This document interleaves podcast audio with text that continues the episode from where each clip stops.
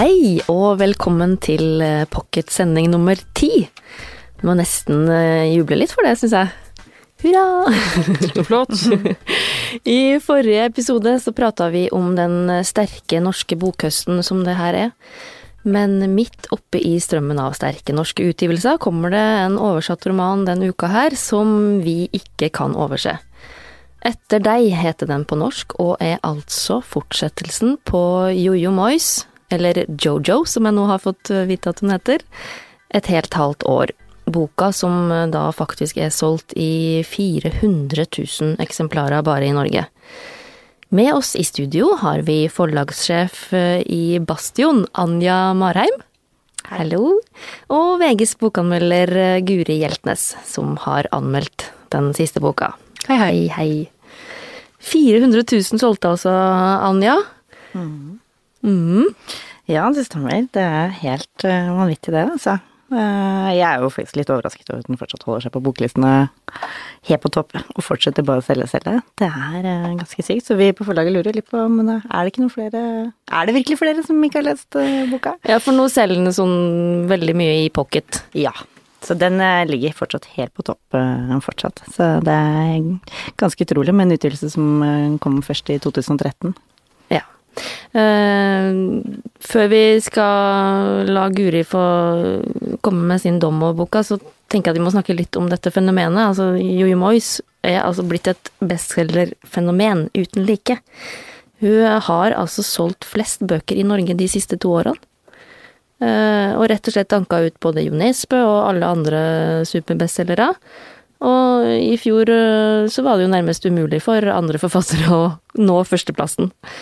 Uh, for de som ennå ikke vet uh, hvem Jojo Moyes er, Anja, kan du si litt om hvem denne dama er? Ja, altså dette er jo da en av de aller største forfatterne på verdensbasis per i dag. hun har jo vært en forfatter som har holdt på i ganske mange år. Jeg tror hun har skrevet i over ti år, utgitt en del bøker. Men det var jo først med et helt halvt år at hun virkelig fikk sitt store gjennombrudd. Det var både på hjemmebane i England og internasjonalt, og, her i Norge, da. Og da har hun virkelig blitt et fenomen etter det, som du sier. Er, hun er oversatt til 36 Eller oversatt til 36 språk. Nummer én i USA, i England, Tyskland og hele tiden Korea og Russland og Tyrkia, ja, i det hele tatt. Så, så hun er virkelig blitt stor. Hadde, hvor mange bøker hadde hun gitt ut før et helt halvt år? Det er uh, Det var sånn opp i ti? Ja, jeg tror det var opp i ja. stykker hun har utgitt før før. Og, og de har solgt uh, greit, de, og, men det var som sagt med et helt halvt år at hun virkelig, virkelig slo gjennom. Mm. I den uh, første boka, eller vi, vi, kaller den første boka, selv om det kanskje var nummer ti, da, eller noe sånt. Et helt halvt år så møter vi 26 år gamle Lou Clark, som blir ansatt i et halvt års engasjement for å ta seg av Will, som er lam etter en motorsykkelulykke. Og det er altså noe med den historien her som fenger så mye. Anja, fortell litt om hva du tror som gjør at alle bare faller for dette? Ja, det er jo Det er jo for det første en, en historie som de sier, som fenger så vanvittig bredt. Det er, det er en veldig sterk og gripende historie. Um, og det som, er, som vi opplever som forlag, som er veldig morsomt, og som også salgstallene tilsier, det er jo at man kan jo være 18, og man kan være 60. Uh, og man kan ha like stor glede av boken. Uh, og selv om det er en, altså en god, lettlest page-turner, eh, så er den også veldig velskrevet. Og den har så mye humor eh, og alvor samtidig. Og så er det jo disse troverdige karakterene som man bare blir sånn ekstremt glad i. Han spiller jo da på hele følelsesregisteret, og jeg tror jeg har ikke møtt noen som fortsatt ikke har grått på slutten. Det er sikkert noen av de òg, men, det er mye følelser. Jeg tror det er denne blandingen av disse faktorene som, som ja. Når var det dere som forlag altså, skjønte at dette skulle dere satse på? Ja, altså det var en litt morsom historie, for det var jo en del Det var jo litt buzz om boken, men samtidig så opplevde ikke vi som forlag at det var den vanskeligste budrunden vi har vært i. Og det var kanskje litt med at det var litt vanskelig pitch på boken. Eh, altså, ikke sant, det er en mann da som er lam fra nakken og ned, eh, han har lyst til å ta livet av seg, det er ganske trist. Eh, så jeg tror det skremte en del. Eh, Georgia Moyes har faktisk fortalt meg selv også at eh, hun syntes det var vanskelig å pitche inn boken til forlaget City i sin tid også. De også var litt eh, sånn negative. Så, men så er det jo en utrolig historie, og når vi leste den, så var det jo ikke noe tvil om at dette er jo noe helt, helt utenom det vanlige. Ja, og Guri, den har jo fått veldig gode kritikker rundt omkring, eh, både i VG og rundt omkring i verden også. Er det liksom kvalitet over dette, eller er det mest uh, føleri og underholdning? Ja, den boken, eh, første boken, 'Et heltater', er jo bedre enn 'Etter deg', synes jeg. Og det som er helt klart med med, med, den første historien, er at jeg syns den hadde litt motstand. Det syns jeg ikke denne nye har, det kan vi komme tilbake til etterpå. Det, det, tok litt tid før jeg kom inn i det. Jeg syns liksom, hva er nå dette her, og denne her liksom stavboken, denne avvisningen som uh, Louisa møter i starten når hun kommer til denne sterkt skadde mannen, ikke sant, som er egentlig ganske lei livet, og det er tungt, og hun har liksom Jeg, jeg syns også selve skildringen av familien var liksom ikke hva er dette for noe? Og så tar den seg opp, ikke sant. Det er, eh, det er jo en uh, historie uh, som er godt skrevet. Hun har jo Det er jo en type varme. På det beste så er det jo sånne nydelige passasjer. Det er britisk humor. Og midt oppi alvoret så er det jo noen strålende scener. Det er det jo alle de bøkene. Jeg har også lest den tredje bok. Den uh, One pluss one Hva heter den? Den ene pluss én, ja. Mm, ja som har kommet i mellom, ja. mellom disse. Mm. den syns jeg også var en sånn Det er også en page-turner. Hun skriver jo sånn at du leser det, ikke sant. Du har jo lyst til å vise Og verden vil jo underholde, søte Camilla. ikke sant. Så det er jo noe med at vi liker jo av og til å komme med noe sånt. Det er jo noe der.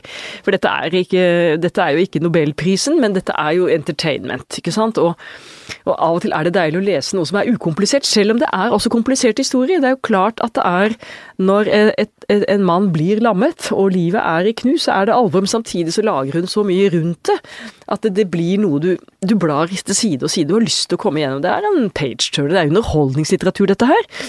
Og det er godt, mye godt håndverk, særlig i den uh, første. Og det er jo det at uh, Og slutten er jo Den er jo ingen happy end, da. Nei, altså boka, den første, et helt halvt år Det er ikke noe happy. Og, og, da, og så kommer det trykket mot Jojo Moyes om at ah, du må skrive mer. Og da, liksom, da, kjenner jeg at da får jeg en type motstand mot den nye boken. Hva er dette her? Hvordan skal hun løse det? Ja, for hun skulle jo egentlig ikke skrive en oppfølger, Nei, ikke sant? Ikke altså, her var det jo sånn sagt at hun kunne ikke skrive en oppfølger, og de, vi som har lest, tenkte jo at det her er jo slutt nå. Ja, det, det, var jo eh, definitivt en slutt, vil ja, jeg si. Ja, det var en definitiv slutt. Når et menneske dør, så er det en slutt. Ja, og likevel så kommer det en oppfølger, Anja. Er det litt sånn mye vil ha mer her, eh, eller ser man liksom at bare en liten del av de som kjøpte første boka, kjøper nummer to? Så blir det jo en bestselger? Nei, altså jeg tror virkelig ikke det er mye vil ha mer. Eh, jeg har jo hatt flere samtaler med Jojo helt siden vi utga første boken med henne, og hennes tanker om oppfølgere. Og hun er hele tiden vært veldig åpen og tydelig på at hun skriver ikke en opphold på kommando, det er kun eh, hjertet. Og, hun sa vel i intervju på Dagsrevyen på lørdag at uh, leseren hadde bedt om det? Leseren har bedt om det. Og uh, det som også, som hun har sagt til meg, og det har hun også sagt om uh, det var det intervjuet eller annet, men det er jo karakterer og en historie som også betydde, ikke bare for leserne, men for henne også så utrolig mye. og har blitt en del av henne. Så, sånn det som hun har sagt, så det har jo bare vokst frem for henne. Eh, og jeg satt jo, jeg husker første gang hun fortalte om oppfølgeren. Eh, da var hun på norgesbesøk. Eh, og vi hadde en skikkelig hyggelig middag på Grünerløkka. Og, da sa hun at Fortalte hun om historien sånn som den var i hennes hode, da. Da var det ikke et eneste ord som var nedskrevet.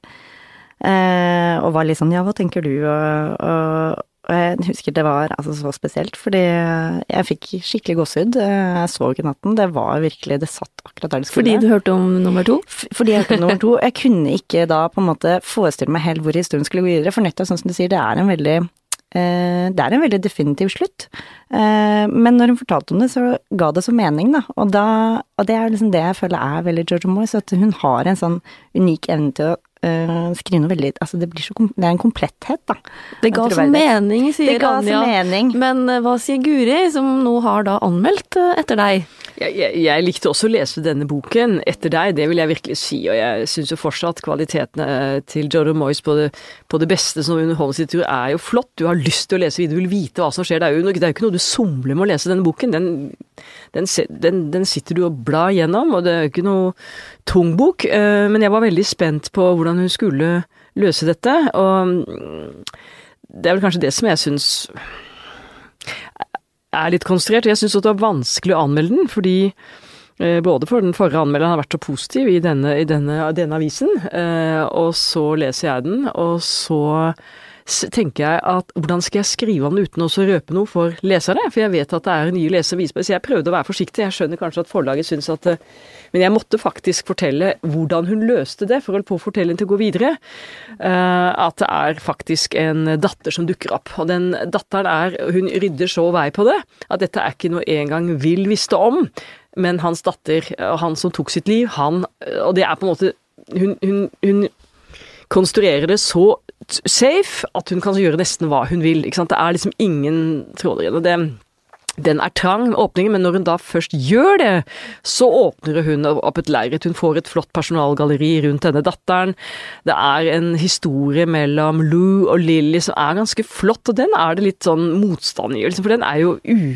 For man, man, man, man tviler jo dette, og hele denne sorgfulle familien til Will, sant, som har da spirret opp Det er mange ting som ikke jeg har sagt, og jeg var veldig forsiktig med hva jeg sier videre. spoiler, spoiler. Og, og, det er jo også det eh, som ligger i denne eh, Mennesker i sorg er jo også et tema her, som ikke jeg fikk skrevet i min anmeldelse, men det er jo når man mister noen, så lever man med en sorg, og hvordan håndterer med det. Og det er også et tema som går igjennom. Det er for hun går i en sorggruppe, og i det så er det et spekter av mennesker. Og det syns jeg er veldig verdig og fint gjort. Det er mye verdighet ved det hun gjør. Og det er en del beskrivelser av det store personalgalleriet som er veldig flott. Det kan jeg si til deg nå som jeg ikke får plass til å skrive alltid disse små anmeldelsene. men det, og det er jo det som jeg tror vil appellere til folk, som jeg tror at dette vil bli en ytterligere bestselger, nesten uansett hva vi anmeldere sier og gjør, så vil folk lese det, for de vil vite hva som skjer videre. Um, ja, du ender jo på terningkast fire. Ja, jeg syns den første boken var bedre. Men det Jojo Moyes nå har gjort, det er jo med ganske stor åpning. Nå har jeg ikke skrevet noe om det, jeg skal ikke si noe om hvordan de gjør det, men det er jo ikke tvil om at det kommer en oppfølger, ja. som også blir en verdensbestselger. For nå har hun også ryddet bordet, men nå er det på en måte Alle trådene ligger i denne foreliggende boken.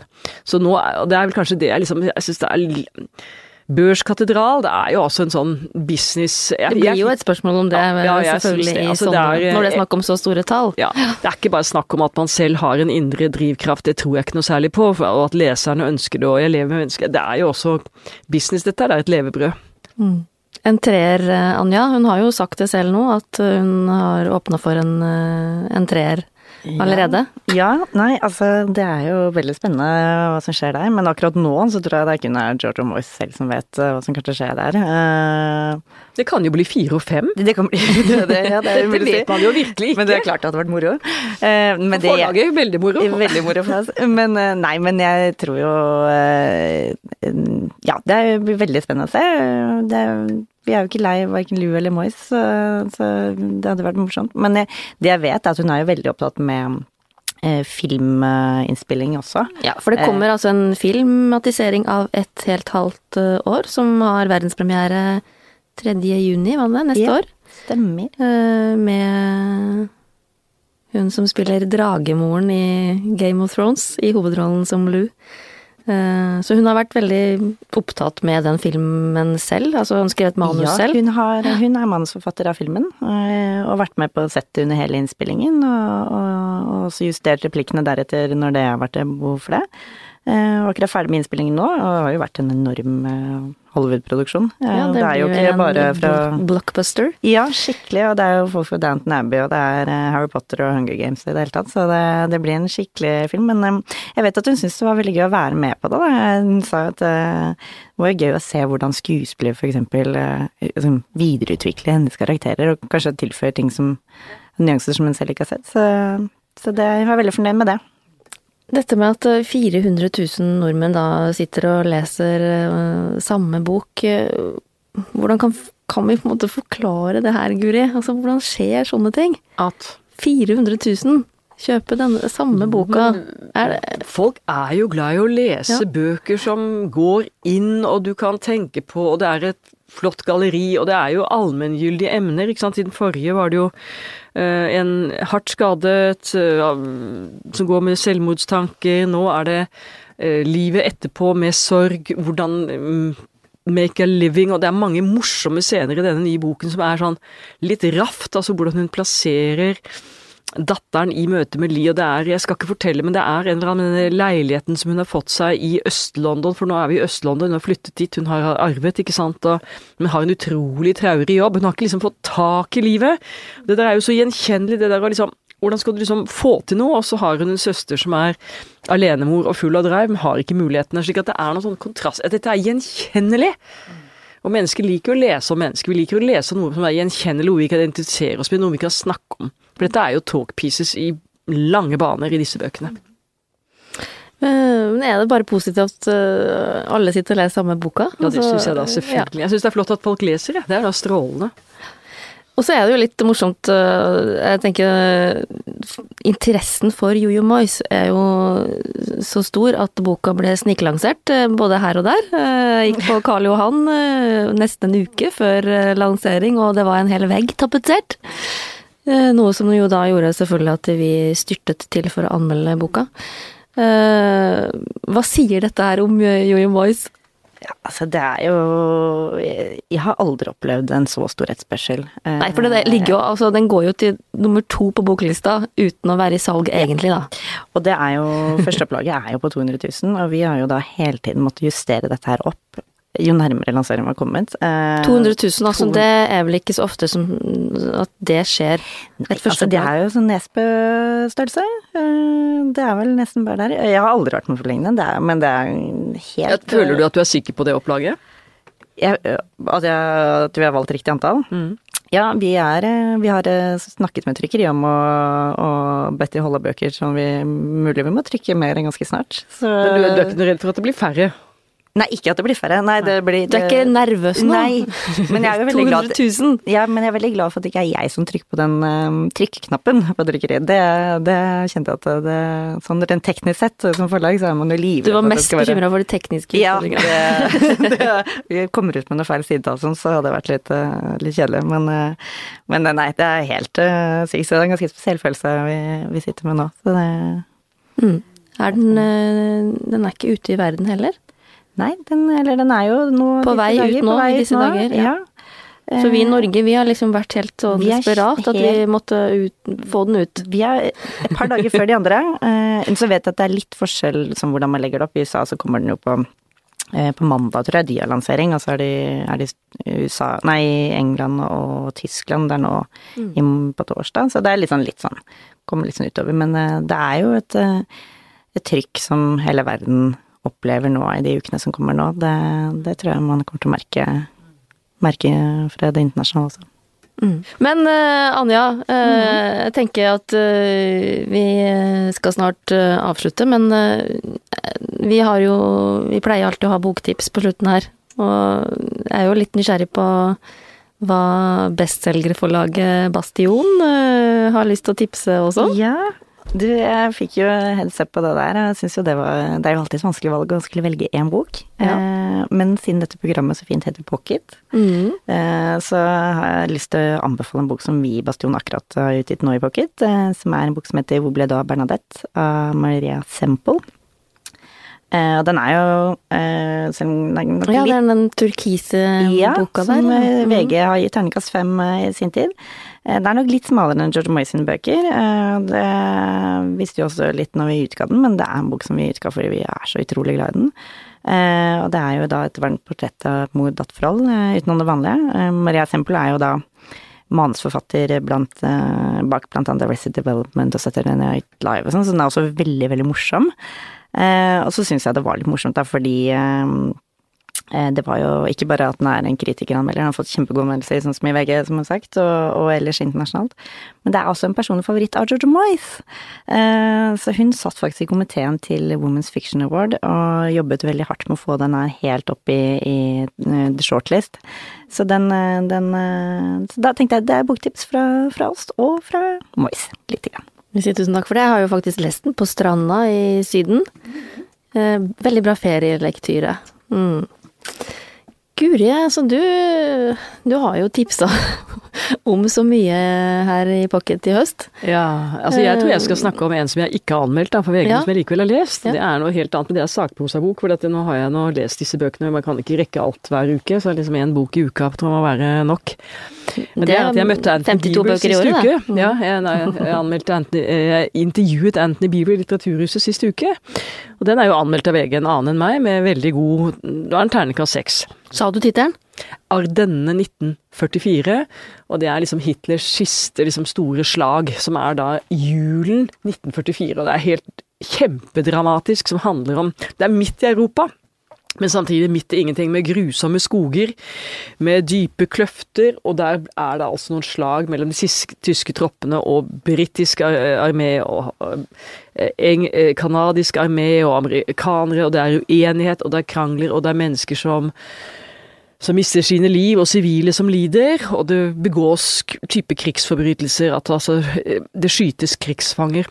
Og det er eh, som alltid av Anthony Beaver velskrevet, han har kilder eh, fra menneskene, brev, han, han kan liksom bryte midt oppi sånn en beskrivelse av veldig militære eh, framrykninger med en, en et vitne som forteller en historie. Så det er jo alltid dette spennet i kilder hos han som gjør at det er også en veldig good read, men det er altså en sakprosabok. Ja. Og for at vi kanskje skal få en sånn perfekt miks i den eh, sendinga her, så tenkte jeg at jeg kunne tipse om en ung norsk eh, forfatter som eh, heter Helga Flatland. Som akkurat kom med en ny roman, altså sin fjerde, som heter Vingebelastning og den fikk en eh, veldig sterk femmer i VG. Så den eh, anmeldelsen kan dere lese på vg.no. Eh, Helga Flatland skriver altså om sin egen generasjon, de som er rundt 30 nå, som kan kalles dessert- eller glasurgenerasjon. Som hele livet har blitt fortalt de, at de kan gjøre hva de vil. Det var en ganske sterk eh, leseropplevelse om eh, unge Andreas, som har alt, men som likevel ikke har det bra. Og jeg tror eh, Flatland treffer noe veldig sånn essensielt når hun beskriver hans møte med psykiatrien og psykologen Bjørnar. For ja, hjelper det egentlig med terapi når du bare er litt for lite lykkelig? Ja. og da tenker jeg at vi skal takke produsenten vår Magne Antonsen. Og Anja Marheim fra Bastion forlag. Og Guri Hjeltnes, vår anmelder. Nesten fast gjest her, du nå. Bare hyggelig å være hos deg, vet du, Camilla. Ja, det er veldig bra. Mm. Og så får dere følge med oss videre i høst for lista over bøker vi skal snakke om i Pocket utover. Den er lang. Så ha det bra.